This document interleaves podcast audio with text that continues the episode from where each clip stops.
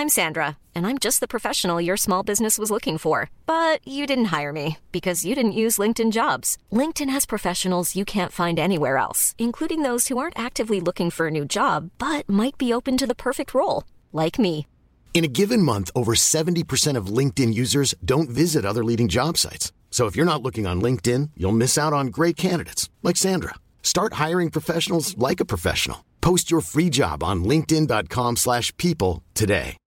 One size fits all seems like a good idea for clothes until you try them on. Same goes for healthcare. That's why United Healthcare offers flexible, budget friendly coverage for medical, vision, dental, and more. Learn more at uh1.com.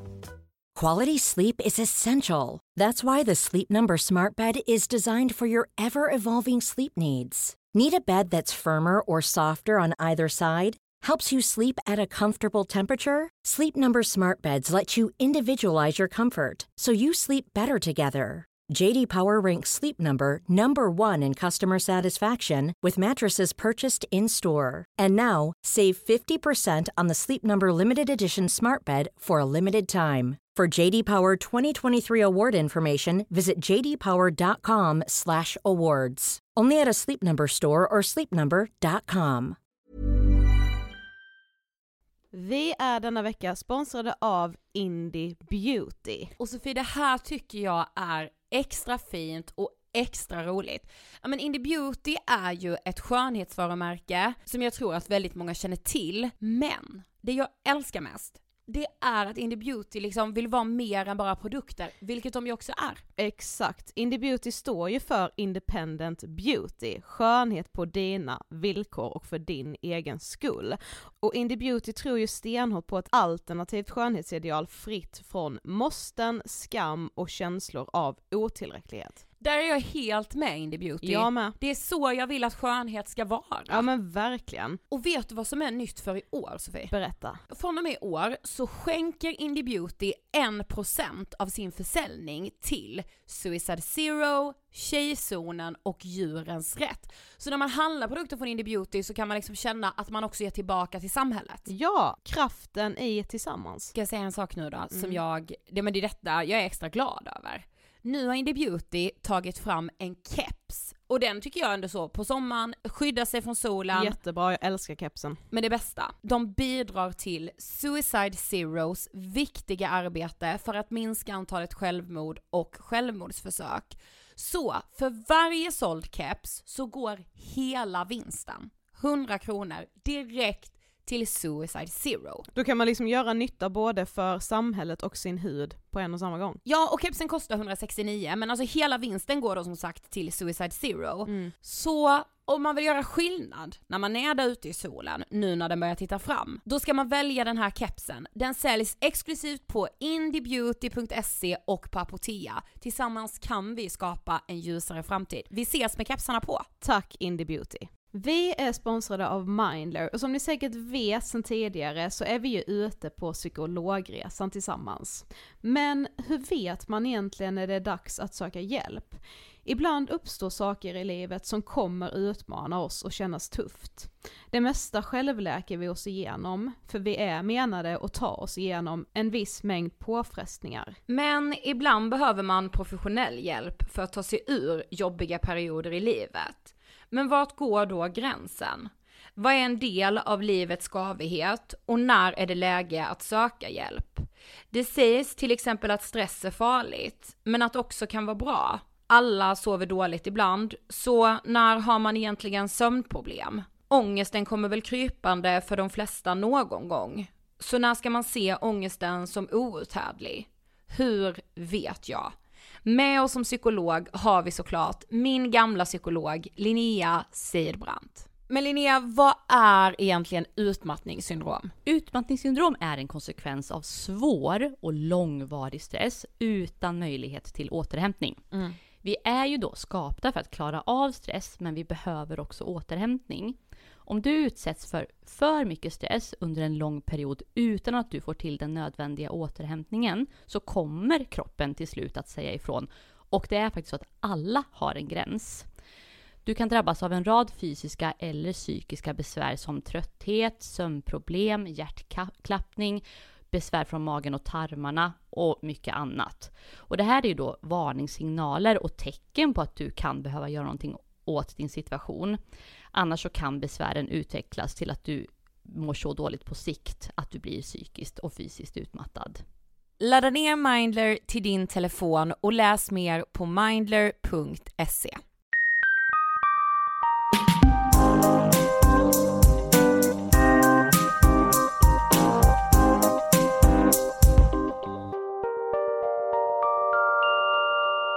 Hej allihopa och välkomna tillbaka till Ångestpodden och avsnitt 298. Hej!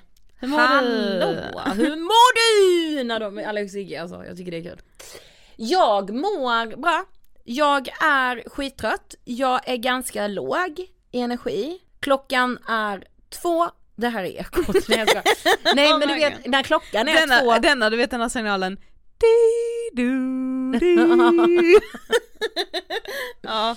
Nej men så här är det va, att när klockan är två, tre, den dippen som då infinner sig, Mm. den är Jag har typ inte riktigt den dippen nu, vet inte vad det kan bero på. Jo men jag åt ju ganska precis en kanelbulle, det kanske är det. Ja, jo men så är det ju. Mm. Jag behöver ju socker i mängder då. Och nu undanbedes alla sådana här, men det är för att du är sockerberoende, du borde detoxa och äta gröt. Mm. Alltså så, ja det kanske jag borde, absolut, men jag är inte intresserad. Nej. Ehm, men den här dippen, alltså nu vill jag ju sätta i mig så mycket gott. Gott, gott, gott, gott, gott. Men, och, Mm. Ja. eller sova. Alltså sova nu hade varit guld, guld. Det gör jag ju inte på dagarna, alltså jag, powernaps är det, nej men det går inte för mig. Nej, men Nej. det gör jag. Ja, man är olika där! Ja, men du gör, vadå, du gör det inte för att det stör din hälsa eller vad? Nej, jag, jag, jag tycker bara alltså när jag, jag kommer inte igång igen om jag har, om jag tar Nej. en powernap på en halvtimme då får, har jag sjukkänslor och är liksom trött Ja. resten av dagen. Men där är man ju olika som sagt. Mm, jag kickas ju igång av powernaps. Ja. Ehm, men jag har skrivit meningen jag tappar det ibland. Mm. För jag vill prata lite om det. Att jag gör det. Något otroligt. Som bara här om veckan så är det som att jag får små hål i huvudet höll jag att säga. Men du vet så här, i, i vardagen när man bara, jag måste verkligen checka ut bara från vardagslivet. Mm. Då står jag i min matbutik, har varit ute och gått en runda och ska betala maten. Alltså jag har handlat liksom en del. Mm. Och tar upp mitt lägg och försöker betala mig först. Eller så jag bara, och sen bara nej det här är mitt lägg. Och då vet jag ju, då inser jag ju att jag har tagit fel kort, alltså jag har inget annat med mig. Men jag låtsas ju gräva, fortsätta gräva i fickorna liksom. Oj var kan det ha hamnat? Har jag tappat det? Aha. Ehm, och sen så får jag ju då till slut säga att nej, nu är det så här att jag har glömt mitt kort. Ah, hur gör vi då? Vill du att vi behåller? Nej, tack.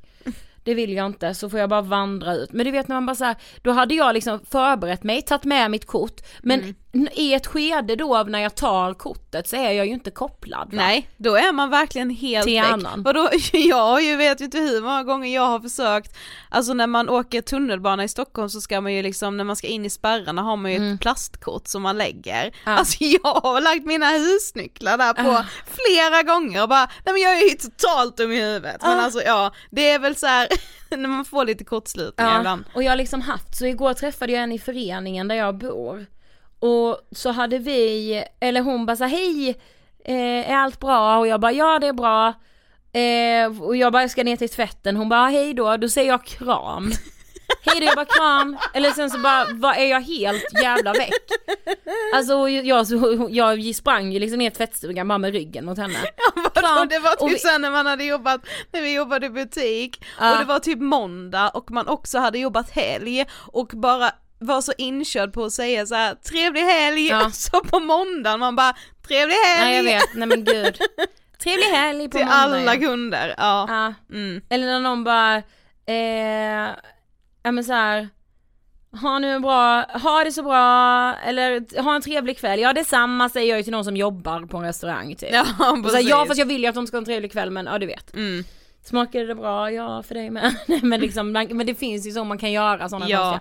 Och jag har haft mycket så senaste, det kanske är illavarslande, jag vet inte.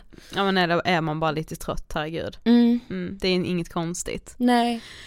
Nej, jag försöker anamma något sorts, eh, Jag sa här innan till våra eh, älskade vänner här på Pank, jag bara, Mm. vet ni vilka vindar det är som blåser i mitt liv? Förändringens vindar. Ja, du sa ju det. Jag ska så här, idag när ni lyssnar på det här, torsdag alltså, så ska jag, tror jag, färga håret i en lite ny färg. Ja. Lite så crazy bananas. Du ska bli riktigt galen. jag är Vilken så himla galen.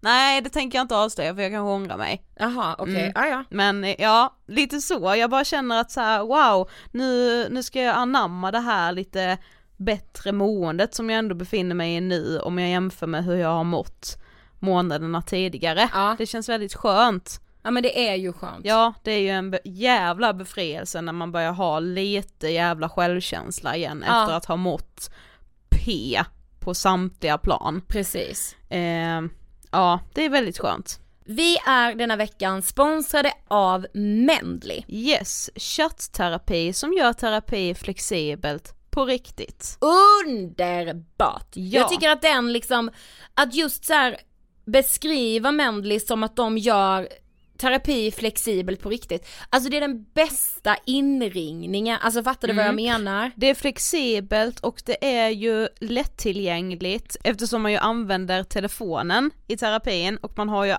i regel alltid telefonen med sig och också att de sänker trösklarna till att faktiskt söka hjälp.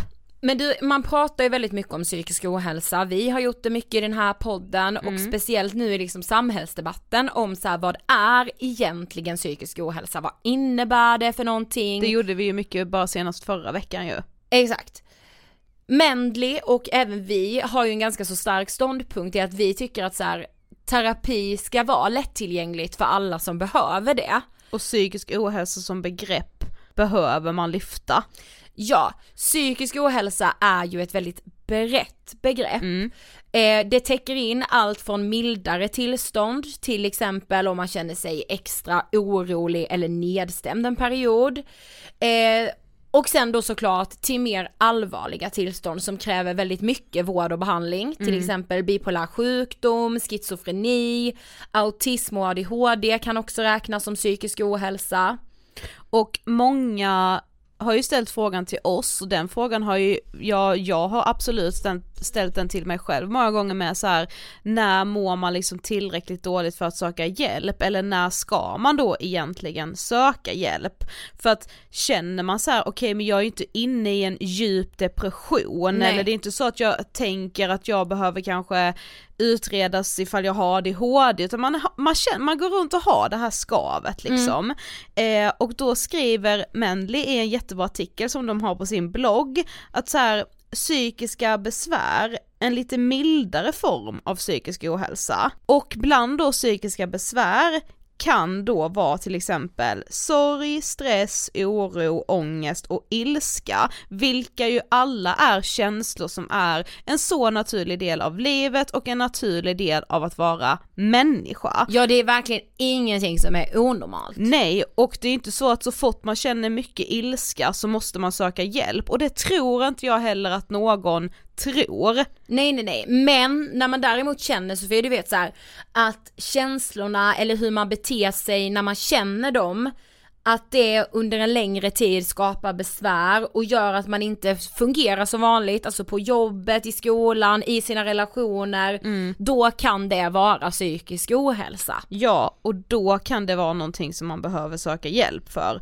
Alltså man känner under en längre period nedstämdhet, att man har sömnsvårigheter, mycket oro eller att man känner mycket och hög stress under en längre tid.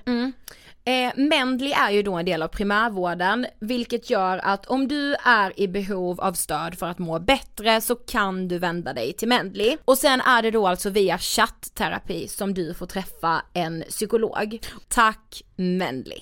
Och idag släpper vi ett väldigt fint avsnitt som jag är så glad och ärad över att vi har fått göra. Ja, alltså på ett sätt som är, ja men det är fan stort alltså. Ja, idag gästas vi av otroliga Åsa Lindeborg. Ja. Tidigare kulturchef på Aftonbladet. Och känd för succén Mig äger ingen. Ja, och nu i somras så släppte hon även sin bok Året med 13 månader. Alltså vi formligen slukade ju den. Ja. Man kan säga så här att Åsas nya bok Året med 13 månader det är en dagbok som utspelar sig hösten 2017 till hösten 2018. Mm. Som ni vet så var ju hösten 2017 väldigt dramatisk i Sverige. Metoo briserar Mm. och med den försvinner alltså all form av pressetik. Yes. Och inte nog med hela metoo-hösten och att då vara kulturchef på Aftonbladet och allt vad det innebär så var väl Åsa en av de som var först med att kanske kritisera metoo eller medias roll i hela metoo-rörelsen. Men det känns som att Åsa också har setts i många kretsar som en kontroversiell person Mm. ibland, många gånger. Ja. Alltså boken, vi har utgått mycket för, från den, men jag tror att ni alla minns hösten på ert egna vis. För mig minns jag den som en otrolig jävla revolution mot sexism och eh, sexuella trakasserier mot oss kvinnor. Ehm, Men vi pratar ju också om hjärtesorg. Ja, för ett par dagar innan Åsa fyller 50 så blir hon liksom lämnad av mannen som hon älskar. Och det var ju också i samband med hela metoo-kaoset. Fyra dagar senare så anklagas hon för ett självmord. Eh, och detta pratar vi såklart också om. Yes. Intervjun den står faktiskt på egna ben. Så Ja. vi rullar intervjun med Åsa Lindeborg. Varsågoda! Hej Åsa och varmt välkommen till Ångestpodden! Tack. Det är så kul att ha dig Nej, här. ja, jag sa, jag måste berätta en sak. Vi var så nervösa innan du skulle komma. Nej, varför det? Jo, jag vet inte för att vi bara så här. vet du vad vi sa till varandra innan? Nej. Men det känns som hon kan allt. Nej, gud. Det är en av mina stora ångestklumpar, det är att jag ska avslöja som en bluff jag på många sätt där. Oj, har du mycket bluffsyndrom? Det tror jag alla i kulturbranschen har faktiskt. Ja. Man låtsas att man har läst Ah. en bok som man inte har läst och sådär. Ja. Så det, det, är en, det är en bluffbransch på många sätt. Ja. Det är det. Det är skönt att höra Ja, ändå. det är liksom inte vetenskap. Nej, Nej, det är nej. sant. Men kan du inte berätta för de som inte vet, vem är du, vad gör du? Mm. Eh, ja, jag är journalist på Aftonbladet sen 2005 tror jag kanske. Och innan dess så arbetade jag som historiker. Jag har doktorerat i historia i Uppsala. Två barn har jag. Kommer från Västerås. Pappa var metallarbetare. Jag är uppvuxen i en ja, familj med mycket kärlek, mycket alkohol kan man säga. Mycket arbete. Så är det. Så min mamma mm, pol- politiskt aktiv så att jag har den dynamiken i mig från henne. Vad tänker du på när du hör ordet ångest? Oj. Jag tänker att det är någonting som alla människor har.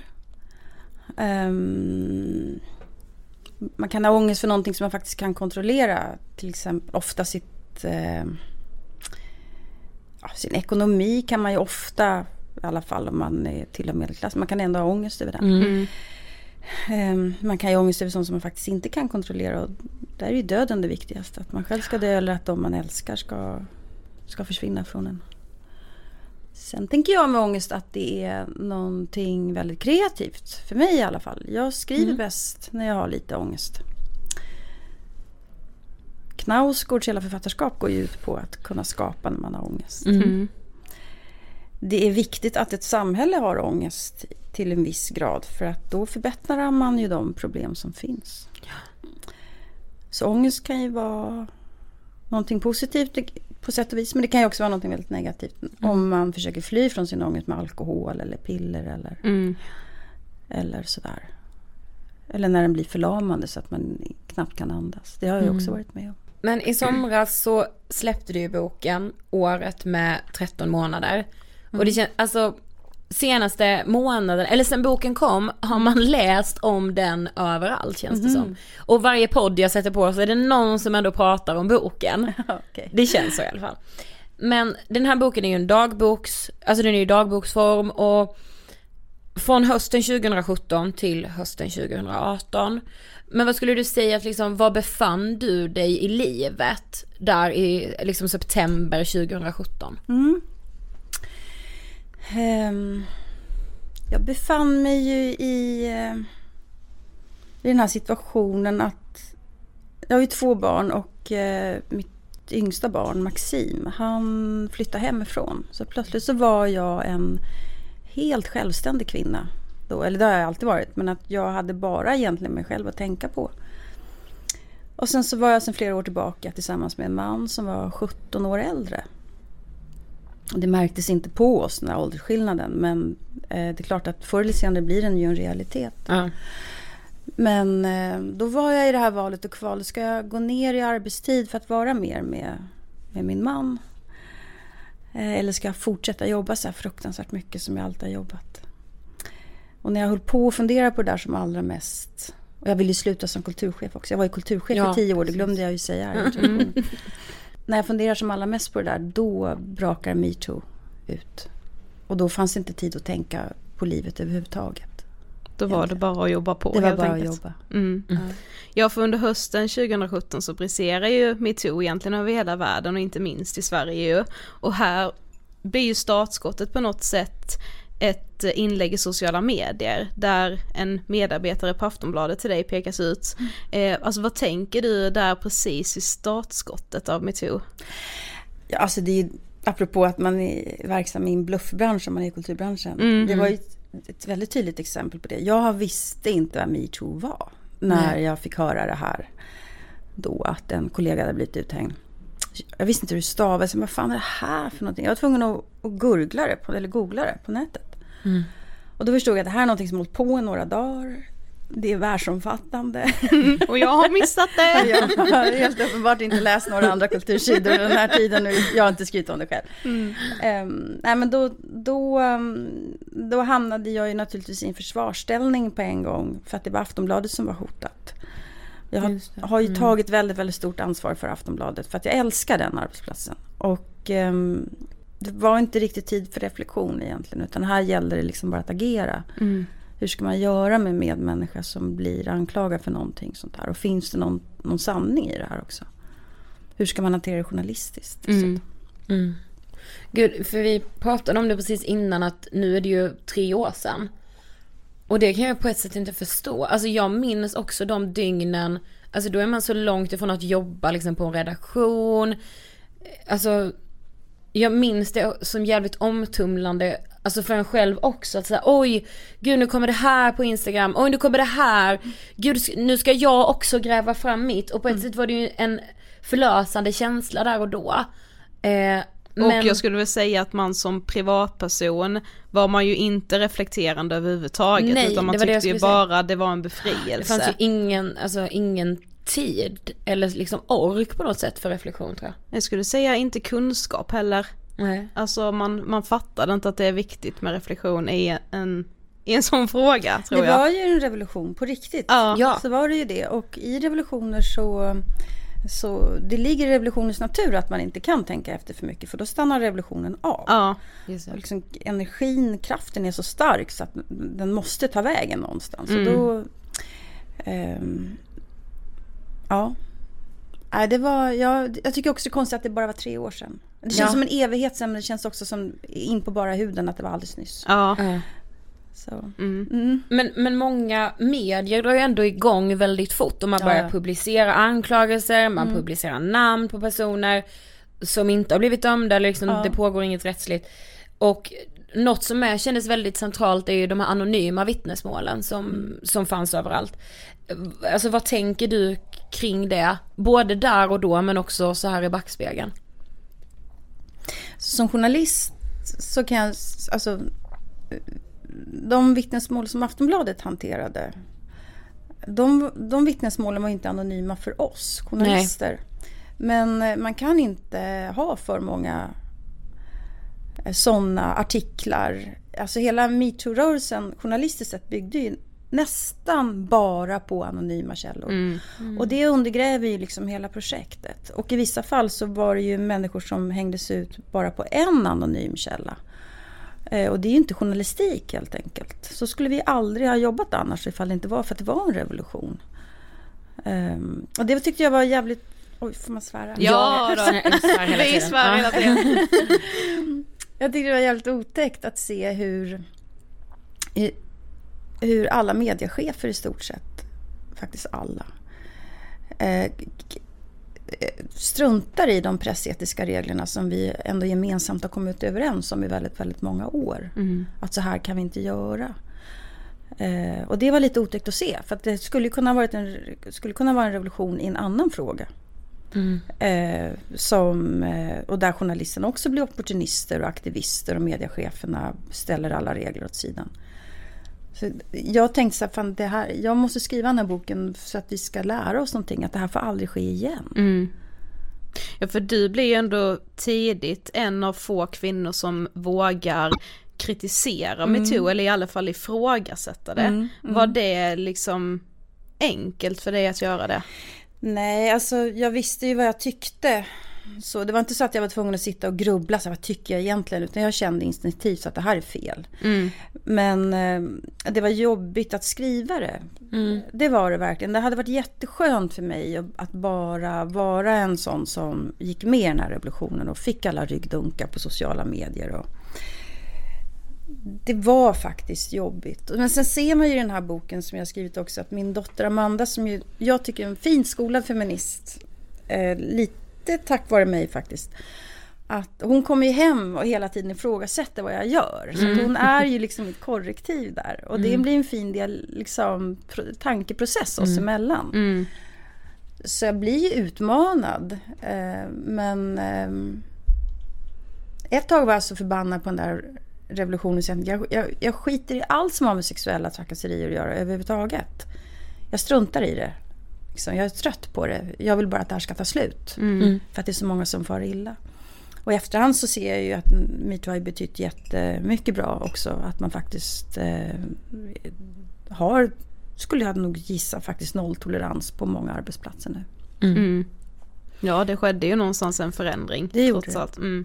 För jag tänker, alltså när man, alltså dels blir det ju liksom det här pressetiska och så här, men är det här lagligt, är det här okej? Okay? Men om man ser då från andra sidan så menar ju många kvinnor att så här, men det spelar väl ingen roll för att män har alltid fått bestämma och sätta reglerna mm. och nu får vi göra det och kosta vad det kostar vill. Mm. Kan du förstå, alltså det sättet? Nej. Nej. Jag kan faktiskt inte det. Därför att det här är ju riktiga människor som det handlar om. Ska, ska en, en journalist på Aftonbladet behöva lida för vad eh, Henrik den åttonde gjorde i, i Storbritannien? Alltså det, det kan inte funka så. Nej. Eh, utan eh, vi har alla rätt till vår rättssäkerhet, till vårt människovärde. Eh, men däremot så, så, så ser jag ju, och det är ju riktigt att kvinnor har, att jag ser ju, jag ser ju strukturerna. Och jag hatar de där strukturerna. Och det skriver jag, jag mm. hatar de där mm, mm. Eh, könsmaktsstrukturerna. Jag ser dem och jag har känt av dem. Och känner fortfarande av dem. Men det kan inte vara rätt att enskilda människor ska betala. Och framförallt inte att cheferna ska sitta kvar som har låtit allting pågått i alla år. Mm. Jo. Mm. Ja, jag tycker det är jätteintressant. Och mm. Eh, dessutom har vi ju en lagstiftning som det är förbjudet med, med sexuella trakasserier. Det är förbjudet med våldtäkt och sådär. Så, så mycket var ju redan på plats i Sverige. Um, metoo skulle kunna ha betytt enormt mycket i Asien till exempel. Mm. Tänk ett land som Indien mm. behöver ha metoo. Mm.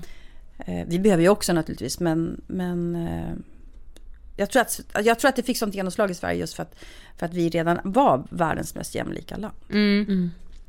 Men var enligt dig går egentligen gränsen mellan yttrandefrihet och att liksom göra en kränkning eller rent av förtal? Ja, förtal är ju förbjudet. Mm. Jag skulle inte kunna, man ska inte kunna påstå vad som helst om en människa eh, utan att det kostar en. Eh, för den människans liv förändras eller förstörs. Mm. Um, kränkning, det är också det är ganska svårt för vem avgör egentligen? Och där eh, kan jag väl tycka kanske att den yngre generationen är lite för uh, lättkränkt. Mm, det, ja då, det är vi. Ja, det är vi. Det är ni. Ja. Får jag fråga vilka år ni, jag är född 68. 93 är vi 93 är vi båda födda. Så vi är 27. Ni är 27. Ni är Står precis i skottgluggen. ett par år yngre än, än min dotter. Ja.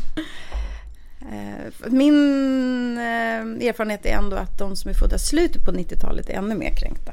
Mm. Än, Ja, jag än- vet fan inte. Nej men alltså hela, alltså där kan, jag kan också uppleva det så extremt och jag kan vara väldigt rädd i liksom medielandskapet av att ha den här plattformen och ständigt, ständigt tippa på tå, vad ska någon tycka?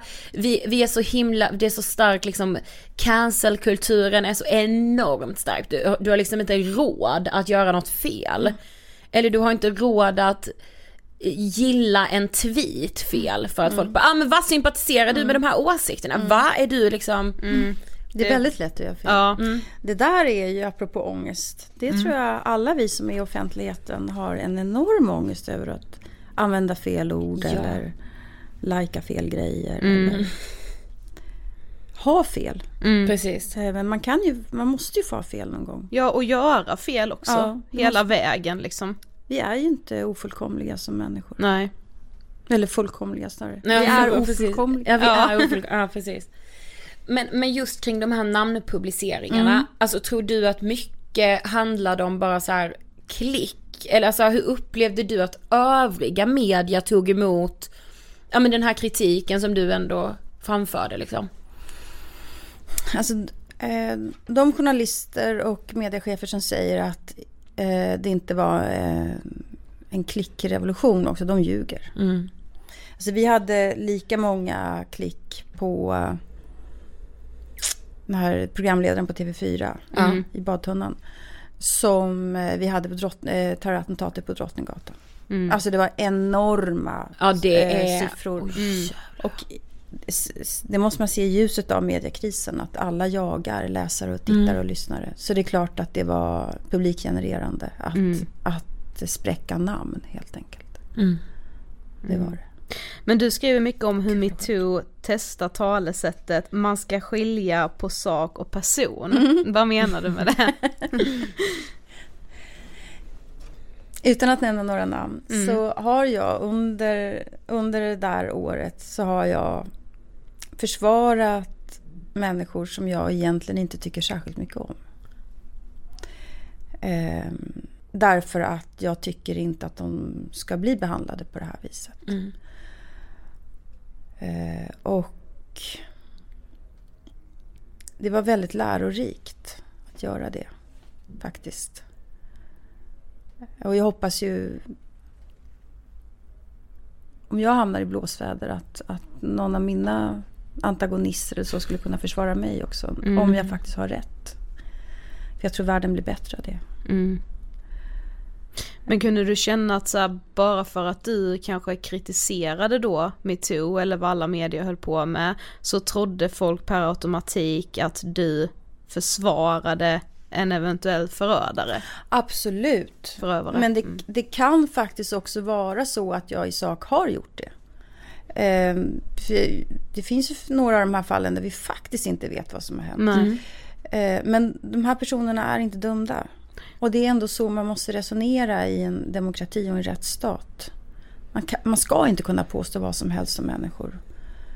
Eh, Det, det går inte. Nej. Det är skillnad med Harvey Weinstein som hade så många eh, som faktiskt samlade sig till det här.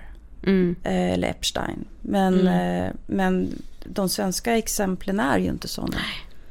Men det tror jag lite man ganska snabbt glömde bort, Ja, känns det som. tror jag också. Mm. Men omkring en månad liksom efter då att metoo briserat och efter x antal kritiska artiklar så eh, är det en kvinna från Stadsteatern som hör av sig till dig. Och hon säger sig ha liksom eh, saker på Benny Fredriksson.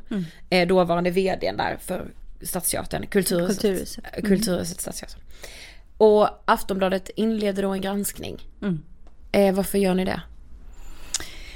Ehm, ja, det, det gör vi därför att ehm, jag pratar ju med den här kvinnan och jag, jag ser att hon har ju definitivt ett case. Det kan jag ju bedöma faktiskt. Och ehm,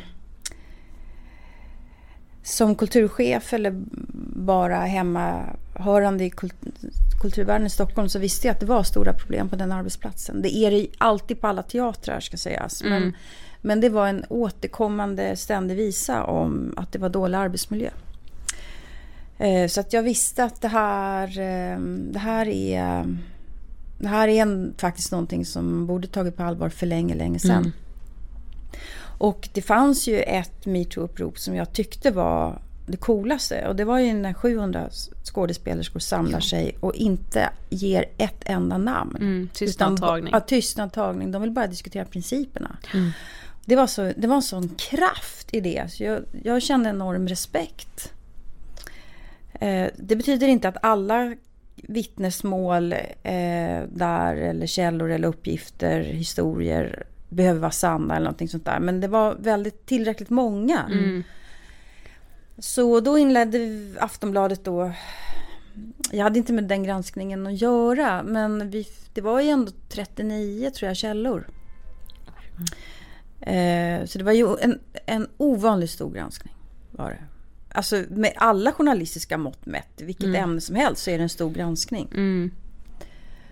Eh, den hade man kunnat gjort lite annorlunda på sätt och vis i den meningen att de som också tyckte väldigt mycket om Benny borde ju ha kommit fram. Men framförallt så skulle jag ju inte ha skrivit den texten jag skrev. Det är ju det den här boken handlar om. Var mm. börjar och slutar mitt ansvar för um, att Benny Fredriksson ja, fick sluta och sen tog sitt liv. Mm. Ja för innan vi kommer in lite mer på det, du jobbar ju extremt mycket under den här mm. perioden. Mm. Eh, det känns som när man läser boken att det är liksom nästan dygnet runt. Mm. Som det i alla fall finns i ditt huvud. Mm. Eh, men hur mår du under den här tiden? Oj, jag är så... Jag är så nednött. Alltså jag är så trött. Så att om jag hade... Om jag hade gått till en läkare hade jag blivit eh, sjukskriven. Mm. Jag tappade hörseln på ena örat för jag är så stressad. Jag kommer inte ihåg att ta mig hem från jobbet. Jag skickar in... En morgon kommer jag till jobbet och vår redigerare ritar in en text som jag hade skickat på natten och jag mindes inte texten. Jag... This Mother's Day, celebrate the extraordinary women in your life with a heartfelt gift from Blue Nile. Whether it's for your mom, a mother figure, or yourself as a mom, find that perfect piece to express your love and appreciation. Explore Blue Nile's exquisite pearls and mesmerizing gemstones that she's sure to love. Enjoy fast shipping options like guaranteed free shipping and returns. Make this Mother's Day unforgettable with a piece from Blue Nile. Right now, get up to 50% off at BlueNile.com. That's BlueNile.com. Planning for your next trip?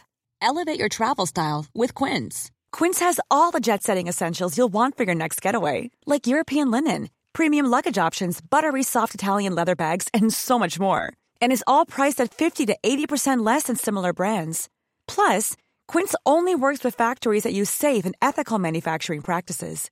Pack your bags with high-quality essentials you'll be wearing for vacations to come with Quince. Go to quince.com/pack for free shipping and 365-day returns. Here's a cool fact.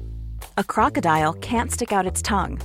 Another cool fact, you can get short-term health insurance for a month or just under a year in some states.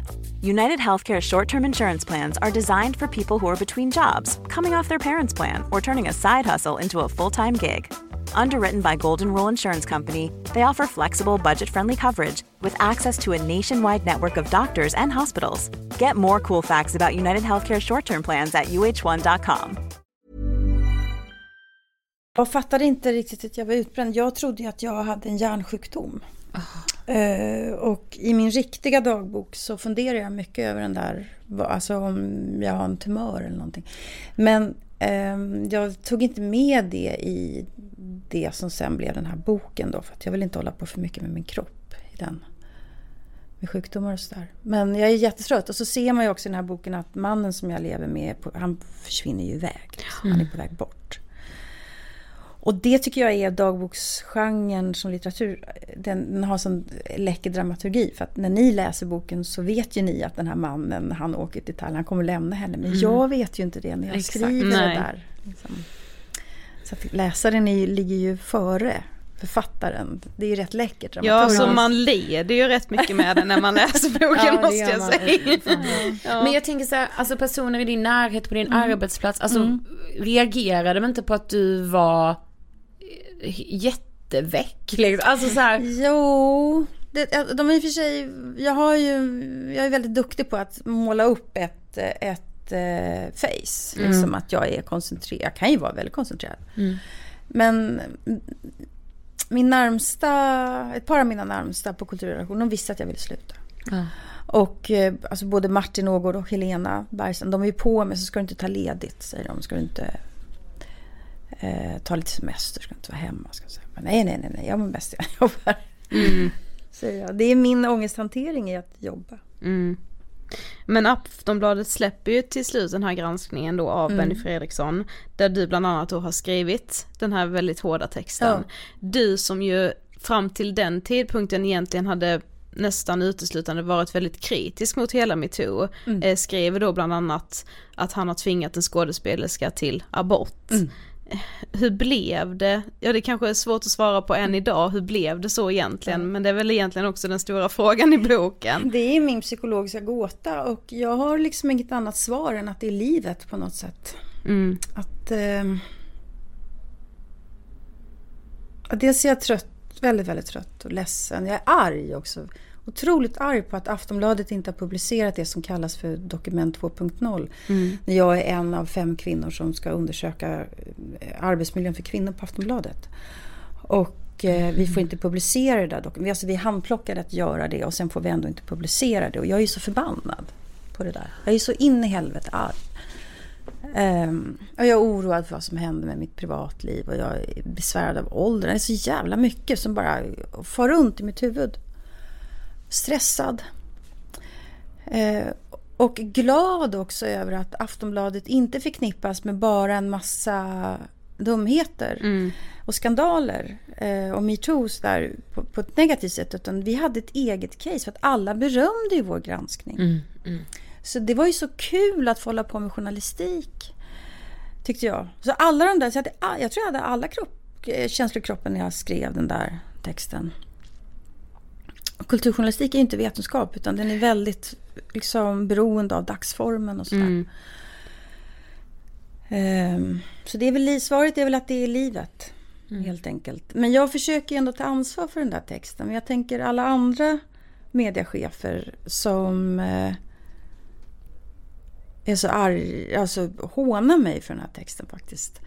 Jag skulle vilja veta vad de minns av sina publiceringar och sina texter. Hur gick det till när ni gjorde den där löpsedeln? Eh, när ni bestämde er för att publicera det här om den här mannen med en enda anonym kvinna som vittnesmål. Hur gick det till? Hur tänkte ni? Hur kändes det? Eh, hur mådde du den dagen?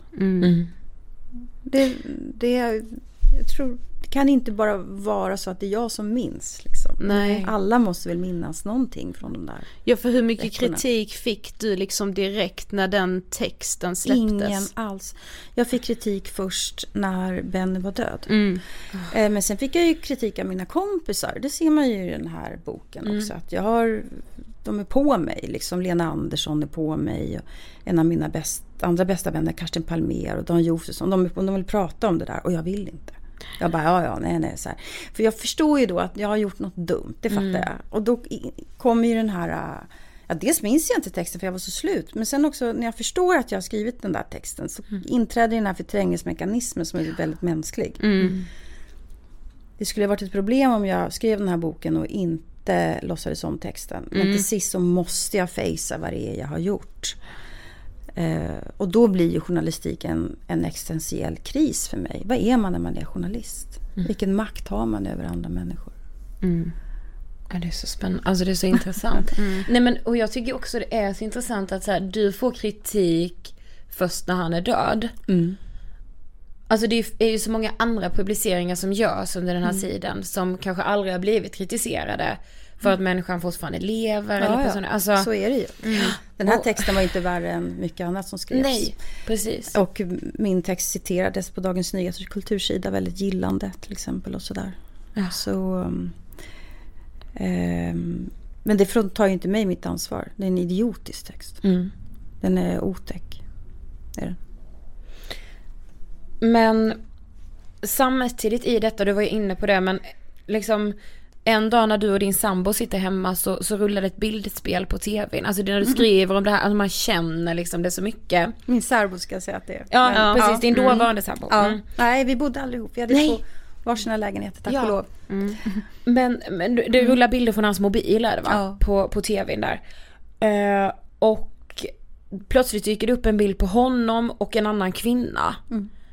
Alltså vad är, till slut berättar han då att han har träffat någon annan. Alltså vad, är, vad händer i dig då? Alltså i allt det här. När man redan är trasig. Ja men man är så här, Ja, liksom. det är ju, då är det ju... ehm, det, här är ju fyra dagar innan Benny tar livet av sig. Så att det börjar ju med att mitt privatliv kraschar. Mm. Ehm, jag är bottenlös ledsen. Jag är så ledsen.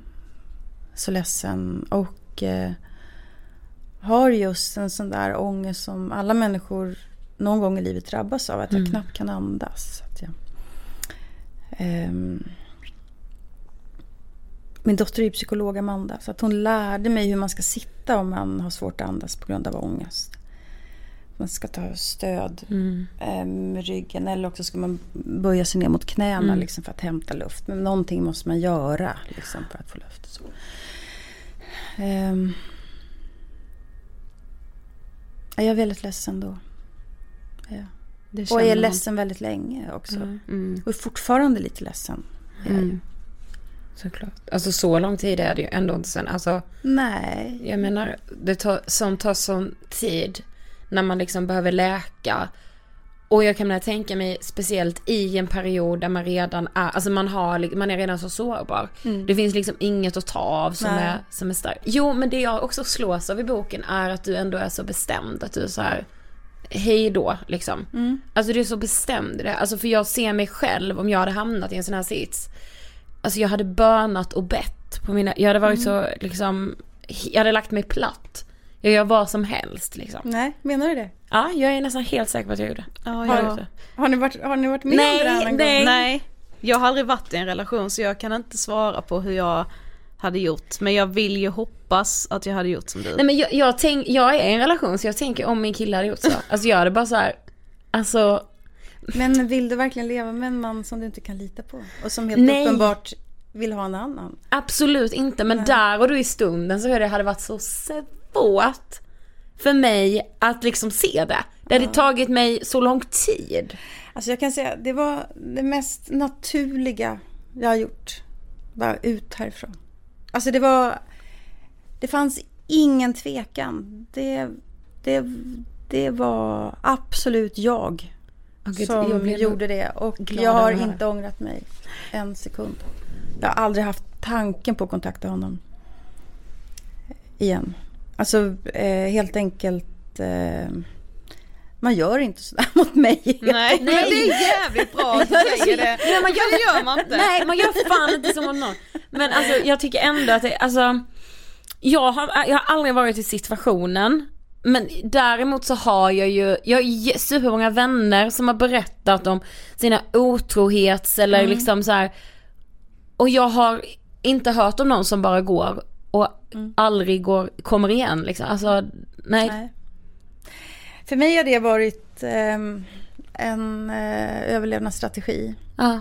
Men sen också en, eh, ett moraliskt statement faktiskt. Men det är klart att det är ju inte bra att... Alltså vi- det var ju sån, ett extremt passionerat förhållande i åtta år. Att det ska ta slut så och att man faktiskt aldrig mer... Alltså det är ju inte heller bra. För mig heller. Eh, säkert. Men... ehm, alltså det... Separationer är uppbrott, avsked. Det är. Det är det jag har mest ångest för. Mm. Överhuvudtaget. Alltid. Men som sagt, fyra dagar efter att du då har blivit lämnad av din, liksom, vad du tror är livskärlek egentligen, så står det då klart att Benny Fredriksson är död, att han har tagit livet av sig. Och Aftonbladet och kanske framförallt du blir liksom utpekade som orsaken till att han inte finns mer. Alltså går det på något sätt beskriva liksom hela den hela den känslan kring allt det där. Och jag tänker också, var det några andra journalister eller mediehus som faktiskt försvarar det med tanke på att ju granskningen från början fick väldigt positiv respons. Mm. Det var många journalister som hörde av sig till mig privat. Mm. Eh, det var under hela metoo-året. Eh, jag håller på dig men berättar inte för någon. Ja det kan man ju tycka är skitvidrigt ja. också men ja. ja men um, kan jag ärligt säga att jag var först tvungen att ta hand om det som hade med P att göra. Mm. Mitt privatliv. För att det handlade om mitt liv helt enkelt. Mm. Mm. Jag är övertygad om att jag inte har eh, dödat Benny Fredriksson också. Jag har aldrig trott att det är jag. Jag vet att det inte är jag utan det bestämde han själv. Eh, men däremot så är mitt ansvar att jag gjorde honom väldigt ledsen med min text. Ehm, det är fler än jag som skulle dela, eller borde dela på, på, på skuldbördan. Eh, hans chefer till exempel som inte försvarade honom med ett enda ord. Mm. Sen vet ju jag saker mer alltså, om privatliv och så som jag aldrig kan berätta och som jag inte vill berätta heller. Som journalist vet man alltid lite mer mm. än vad som är möjligt att publicera. Så jag vet att det inte är jag som har dödat honom. Men jag kommer, alltså det har det där har förmörkat mitt liv. Mm. Eh, på, på, allvar. Jag... jag eh, ja, det, jag, jag tänker på det väldigt, väldigt mycket. Vem jag var, vem jag är, vad jag vill vara. Mm. Så. Men tror du att det var liksom lättare att anklaga just dig för att Dels för att du är kvinna men också för att du var en kvinna som hela tiden hade varit ändå lite kritisk mot alltihop. Det är så svårt att säga. Det är jättesvårt att... Jag tror i och för sig att det finns, det finns väldigt mycket aggressioner mot mig. Det märkte jag ju när den här boken kom ut också. Det var väldigt, väldigt många är arga på mig. Mm. Och jag, lite lite finns det nog ett genusperspektiv i det faktiskt. Att jag är en kvinna som tar lite för stor plats mm. och som är lite för kontroversiell och som är lite för bestämd. Eh, jag har på senare tid fått höra att jag skriver lite för bra. Jag har aldrig hört att man säger så om en man. Nej. Nej. Eh, men det har jag fått höra åtskilliga gånger nu. Att det är nästan någonting jag ska skämmas för. Att jag har en sån vass penna. Konstigt. Eh, men ja. Det är många, det är många som, som har velat liksom varit irriterade på mig länge och som nog kanske såg sin chans. Det mm. tror jag. Mm, mm, eh, men jag kan inte grubbla så mycket över det faktiskt. Det... Jag vill inte spekulera i andra människors känsloliv. Eh, jag har nog av att hålla på med mitt eget. Alltså hela boken handlar ju om, alltså som du själv beskriver det, att säga det värsta år, alltså åren mm. i ditt liv. Skulle du säga att så här, kände du ändå att vissa journalister förstod dig eller kände du dig väldigt missförstådd? Väldigt många förstod mig. Ja. Eh, annars hade de ju krävt min avgång faktiskt. Det var ingen som gjorde det. Eh, det här som jag råkar ut för är en journalists absolut värsta mardröm. Eh, men vi har ju inga andra exempel heller. Alltså om journalistik faktiskt dödades så skulle ju journalistik vara ett förbjudet yrke. Mm. Eh, då skulle Mona Sahlin ha varit död väldigt många gånger. Ja. Så... Um, jag tror att de flesta journalister aldrig skulle drömma om att anklaga mig för det här faktiskt. De flesta skulle inte göra det. Mm. Men varför valde du ändå att dela med dig av din egna dagbok från det värsta året i ditt liv. Mm. Det känns så här, åh men nu ska jag komma med lite pepp och inspiration i det här peppiga samhället vi lever i så släpper du liksom dagboksanteckningar från det värsta som har hänt i ditt liv. ja, jag är ingen trivselkonsult kanske. Men, eh, Eh, men jag tänkte så här, jag vill ehm, sammanfatta min syn på metoo-året och jag vill också skriva någonting om Benny Fredriksson. Mm. Eh, och så tänkte jag att jag kan inte göra det i en objektiv essä eller sådär. Eller rapport eller så. Ehm, det skulle inte bli trovärdigt. Jag vill inte skriva en debattbok. Eh, utan jag måste nog göra tvärtom. Eh, jag måste göra det så privat som möjligt. Och då hade jag ju tur att jag faktiskt har skrivit dagbok i många, många år. Så materialet låg ju liksom där. Och jag tycker att det är en bra historia med att bli fylla 50, bli lämnad eh, och stå mitt på scenen i svensk offentlighet och hantera en fråga som har att göra med just manligt och kvinnligt. Det var liksom en oemotståndlig historia, rent litterärt också. Mm. Men sen, jag mår ju bra av att bearbeta mig själv i text. Och sen är ju alla journalister är lite narcissist, eller författare är lite narcissister. Så man liksom... Eh, jag skulle inte ha bearbetat dagböckerna om det inte var för att det skulle ges... eh, När jag bestämmer för att jag skulle ge ut det så, så kändes det å ena sidan helt knäppt och å andra sidan då tänkte jag, vad fan jag är ju författare. Det är ju så här författeri går till. Liksom. Alltså när man läser boken, vi, vi pratade om det, så får man liksom en känsla av att du, alltså ofta att du är väldigt hård mot dig själv. Alltså både i jobbet och privatlivet. Det känns också som att du här efter Bennys död börjar tvivla mer på dig själv. Eller Ja. stämmer det? Ja. Ja, verkligen. Alltså, Jag har i och för sig alltid varit självkritisk. Det mm, har jag hemifrån eh, den här vänsterrörelsen som jag kommer ifrån. Det är någonting som är bra tycker jag därför att ehm, om man är självkritisk eh, så är man ju det med syfte att försöka bli en bättre människa.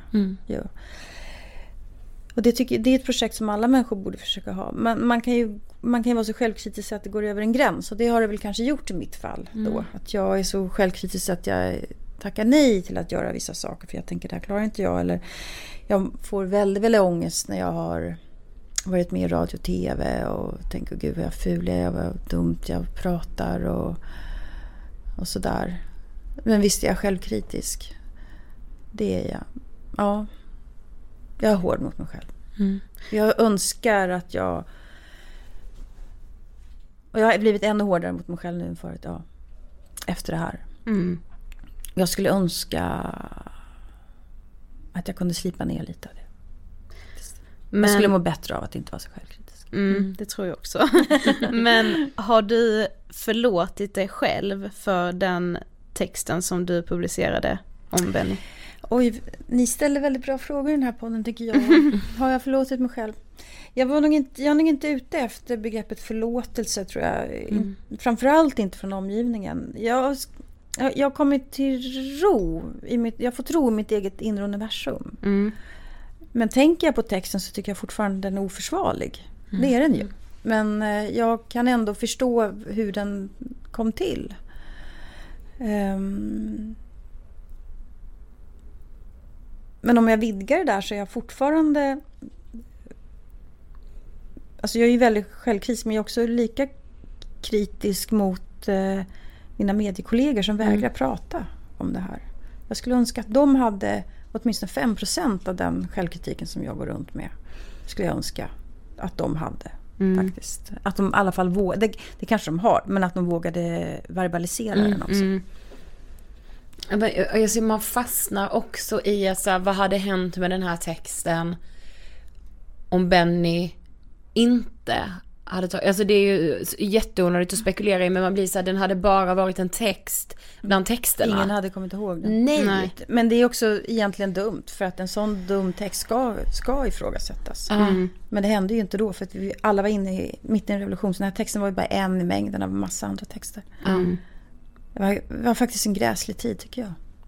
Men, men jag tycker det är så intressant med att du säger det här med att liksom andra journalister hörde av sig till dig privat och sa men jag håller på dig men säg inte det till någon liksom. Alltså det blir ju lite som att du fick stå i skottgluggen för jättemycket kritik som ju egentligen var kanske fler att bäras på något sätt. Fast det är nog ganska vanligt tror jag, i och för sig. Och, och ehm, det har jag varit med om under alla år som jag har varit i offentligheten. Men här Kan inte det ju- vara störigt? Jag hade stört mig jättemycket Nej, på det. Bara fan kliv fram själva då. Varför ska Ja. jag göra allt? Jo, om, om man verkligen är i en situation där man, eh, man själv är illa ute. Ja. Eh, då, då skulle jag väl önska att fler hade civilkurage. Å andra sidan... Mm, Jag har säkert svikit människor också. Jag har säkert sagt, men gud fan jag tycker du gjorde rätt. Och sen så bara säger jag det men jag gör inte text på det så att andra får veta det. Mm. Så att jag, ja. Men Men, det- här var det, det här var ju verkligen skarpt läge. Mm. Kan man säga. Det får man säga. Ja. Men alltså som vi sa, alltså det känns som att boken har ju blivit enormt omtalad, man har läst om den överallt liksom. Har du någonsin ångrat att du släppte den? Eller så här, alltså att du rivit upp allt det här, har du känt så? Den- boken blev ju så fruktansvärt kritiserad precis när den kom och man höll på och recenserade mig. Och då mådde jag jättedåligt. Ehm, ehm, och då ångrade jag boken. Men sen så tycker jag att boken har vunnit. Jag sitter här och jag märker att ni faktiskt tycker om att prata om den. Och då, då är det viktigare än vad man skriver i Dagens Nyheter eller Expressen eller sådär. Jag tror att det är en bok som vinner i längden i den meningen att ja, den har, den har ju massa olika teman. Den har ju klassresa, åldrande, manligt, kvinnligt föräldraskap. Den har ju så mycket offentlighet och precis. fan vad det är högerpopulism och det är valrörelse och allt möjligt så här. Yttrandefrihet. Så den har ju många trådar att dra i. Men framförallt så tror jag att det är viktigt att journalister vågar säga att vi, att vi är människor. Mm. Och vi är ofullständiga och att vi kan göra fel. För att det finns ju fan inget yrke nästan. Alltså, journalister och poliser är ju de stöddigaste yrkesgrupperna som finns. jo, vi kan ju aldrig göra fel. Ehm, så nu är jag nog ganska stolt över den där boken. Mm. Sen kan jag ju naturligtvis ha ångest över att jag har skrivit vissa saker om vissa människor. Det, det, är en bok som är fullständigt hänsynslös på många sätt. Ja, för det är ju allt jag-skrivande. Liksom, Mm. Håller ju på med omgivningen. Mm. Det finns inte någon människa som har bett om att få vara med i den här boken. Men mina vänner förstod att det här var så viktigt för mig så att jag fick skriva om dem i alla fall. Ehm, det är väldigt många som skulle vilja vara med i en uppföljare om det blir en uppföljare. Men vi hörde det ändå eh, när du var med i Sverige. Det programmet ja, på det var jobbigt. Mm, det märkte man på dig Mm. att du tyckte. Eh, men där sa du att ibland tänker jag att jag behövde släppa den här boken för att straffa mig själv. Mm. Kan du utveckla det lite? Det var så starkt när du sa det. Jag skulle inte uttrycka mig så idag. Alltså jag spelade in det programmet då när jag var som allra mest kritiserad. Eh, Och istället då för att bli arg så, så vände jag den här ilskan mot mig själv. Mm. På ett otroligt destruktivt sätt som jag aldrig har gjort förut. Alltså jag kände inte igen mig själv de där dagarna. Ehm, så idag skulle jag nog inte säga så. Jag är stolt över den här boken tror jag. Men eh, Jag tycker du ska Men ta bort en- tror jag. Du är stolt. Ja, jag tycker också det. Ja, eh, men eh, straffa mig själv. Ja, kanske lite. Ja, kanske att det ligger någonting i det ändå. Mitt självkritiska projekt på något sätt. Mm. Men det kan ju, det får inte bli koketterande heller. Liksom. Nej. Då ska du få en lite mer upp- upplyftande fråga så Ja. i sluttampen innan vi knyter ihop säcken. Vad inspirerar dig? Oj! För jag, jag ska säga något som låter som en klyscha men som är helt sant. Men ni är ju unga kvinnor i er ålder. Mm. Alltså överhuvudtaget unga människor inspirerar mig jätte, jätte, jättemycket. Um, det är så kul med 90-talister som liksom är på väg ut i livet och ser på världen med eh, nya ögon. Eh, och när den generationen visar liksom respekt och nyfikenhet inför oss som är lite äldre. De mötena är ju fantastiska tycker jag. Mm. Jag blir otroligt inspirerad av det. Ja men tack så jättemycket Åsa för Ja, att det du är ville jag komma. som tackar. Det var en Tack. stor ära att få vara med. Tack, Tack. så hemskt mycket. Lycka till med allt. Tack. Detsamma. Yes. Eh, det enda jag kan säga är att när jag läste boken så jag gick nog in i den med lite kritiska ögon kanske, eller jag Mm. minns inte riktigt nu för att nu har jag helt eller det var så himla mycket ögonöppnare för mig att läsa boken tror jag, eller det var så många liksom lite inre konflikter man har haft med sig själv kring hela metoo och pressetiken. Mm. Eh, som man fick liksom fundera själv. Ja men jag kan i vilket fall som helst verkligen rekommendera boken.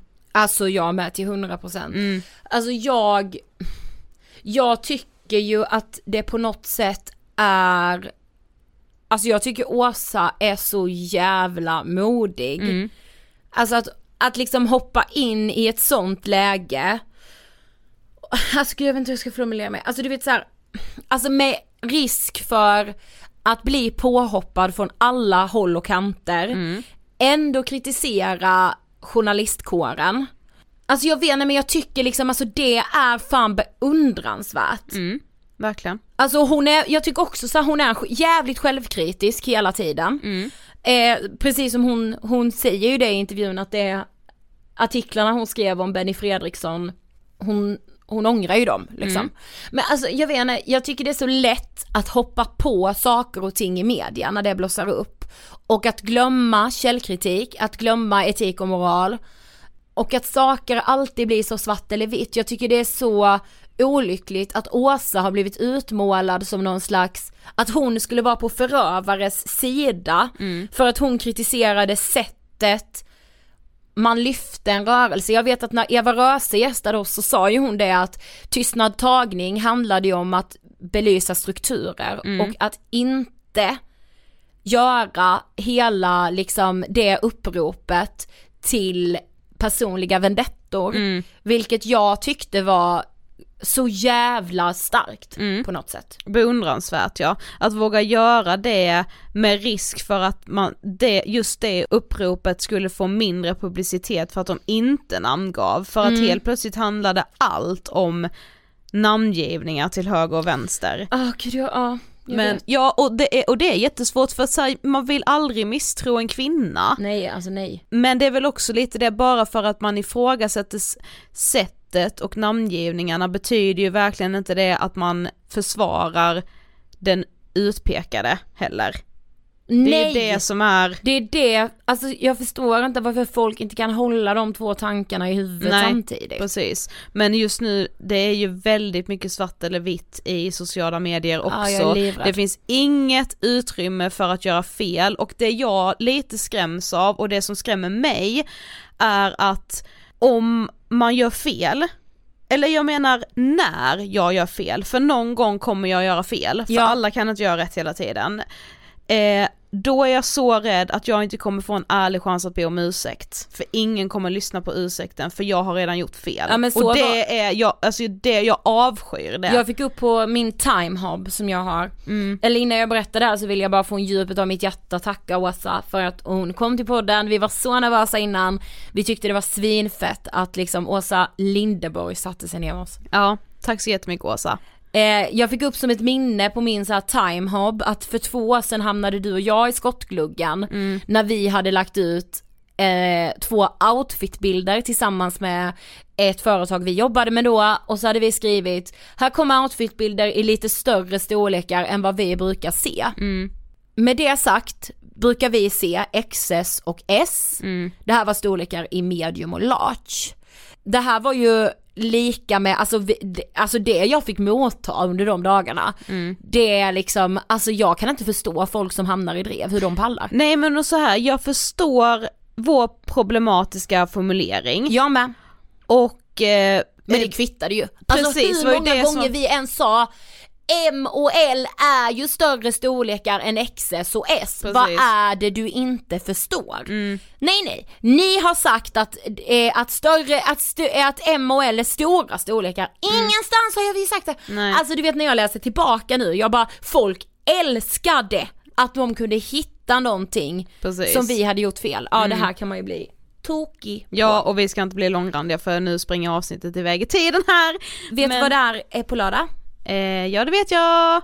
Det är World Mental Health Day. Ja, världsdagen för psykisk hälsa. 10 oktober alltså. Och jag tycker att vi ska uppmärksamma den, att man kanske ska tända ett ljus för de som inte finns med oss längre, som vi har förlorat i självmord eller, eh, eller sådär.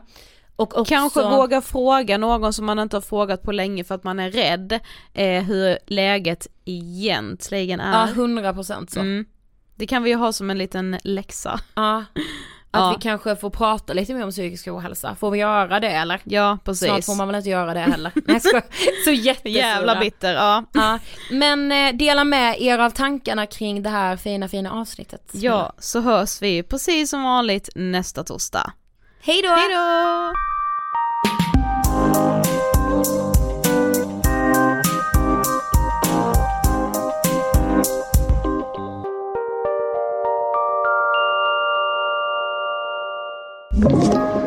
Podplay.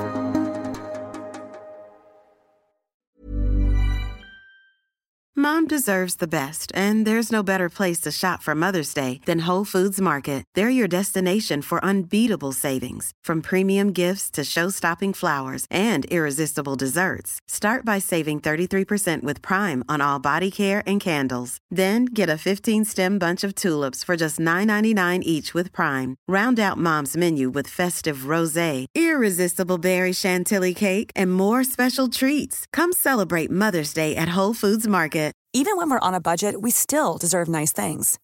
Quince is a place to scoop up stunning high-end goods for 50 to 80% less than similar brands. They have buttery soft cashmere sweaters starting at $50, luxurious Italian leather bags, and so much more. Plus, Quince only works with factories that use safe, ethical, and responsible manufacturing. Get the high-end goods you'll love without the high price tag with Quince. Go to quince.com slash style for free shipping and 365-day returns.